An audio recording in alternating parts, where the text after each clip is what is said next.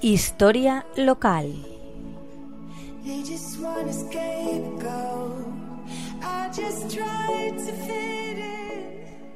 Buenas tardes, amigos de la Tegua Radio. Vamos a intercalar en estos últimos capítulos sobre las fiestas patronales uno dedicado a nuestras comidas más típicas. En su extensa obra, Azorín nos habla de casi todos los temas posibles de disertación y uno de ellos es la cocina. En su libro Superrealismo le dedica un capítulo. De la cocina española en general, opina que es la más sólida y suculenta, la más ligera y nutritiva. Azorín aprecia las cocinas regionales por su espléndida variedad y de la cocina monovera en particular se deshace en elogios contundentes. Aseada y variada, ligera y reparadora, nada de grasas. Dice también que sus ingredientes principales son semilla y verduras, arroces y ollas, frijoles, lentejas, garbanzos y arroz. Vamos a referirnos aquí principalmente a las cuatro comidas más típicas o representativas de nuestro pueblo, el arroz con conejo y caracoles, los gazpachos, el cocido, conocido como fasegures o puchero, y la gachamiga.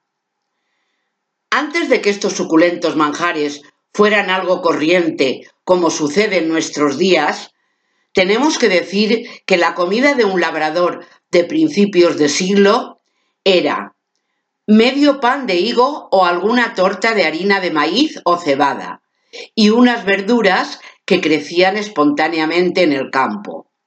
Se fabricaban unos chorizos cuyos componentes eran zanahoria y orégano.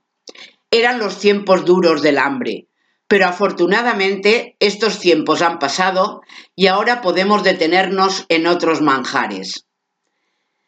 En el arroz se detiene Azorín para explicar su variedad, los exquisitos arroces pobres, en contraposición a los opulentos con los que se obsequiaba a los forasteros.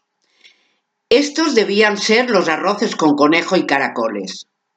Es un plato que tiene mínimas variedades y que suele ser el plato estrella en las reuniones familiares o de amigos. Conociendo la minuciosidad de Azorín, no nos debe extrañar que nos haga una relación de todos los arroces posibles que se comen en nuestro pueblo. El arroz con garbanzos, el arroz con judías verdes, el arroz con bacalao, el arroz con patatas. De su textura, secos o caldosos. De los recipientes en los que se ha hecho, peroles, cazuelas, sartenes. E incluso en el recipiente que ha de comerse. En la tosca loza y tal vez con cuchara nueva de palo. También nos habla de cómo las monoveras, siempre bellas y aseadas monoveras, limpian el arroz, haciéndolo pasar de un montón a otro para limpiarlo. Los dedos de la monovera que van escrudiñando en el arroz las piedrecitas y corzuelo que pueda tener. A los gazpachos se les atribuye un origen morisco, nada que ver con el gazpacho frío andaluz, el gazpacho monovero se cocina con torta ácima, o sea, sin levadura, hecha sobre palas de chapa de hierro y que se desmenuza a mano en pequeños trozos. Los gazpachos pueden ser pobres o viudos, los que no llevan carne alguna, solo cebolla, y los ricos con carne de pavo, liebre o conejo campestre, perdiz o pollo. También pueden llevar setas, caracoles o champiñones. Llevan además de la carne, cebolla, ajos, ñoras, aceite, sal y pimienta. Se fríe la carne y los demás ingredientes y se hierven unos 20 minutos. Se añade la torta, un puñado por persona, y otros 20 minutos más de cocción. Se sirven con un pedazo de torta en el plato que después se suele comer untada en miel. El fuego de leña también es el más recomendable. De los gazpachos tiene igualmente Azorín inmejorable opinión. plato exquisito, tortas sin levadura, cocidas entre dos fuegos, sobre la losa del hogar, gazpachos puros, los preparados por los pastores, con tortas amasadas en amasaderas de piel de cabra, gazpachos viudos, los hechos con collejas. Y la, la gachamiga es una variedad de migas, pero realizadas con harina. Es un plato típico del campo de Monóvar y se prepara en una sartén, a ser posible con mango.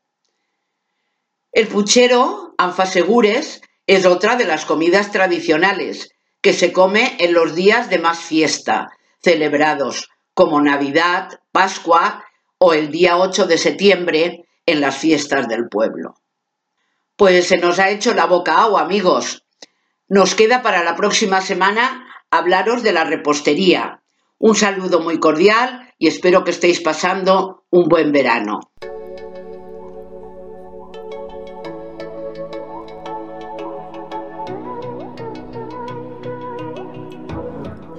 Historia local. They just want a scapegoat. I just tried to fit in.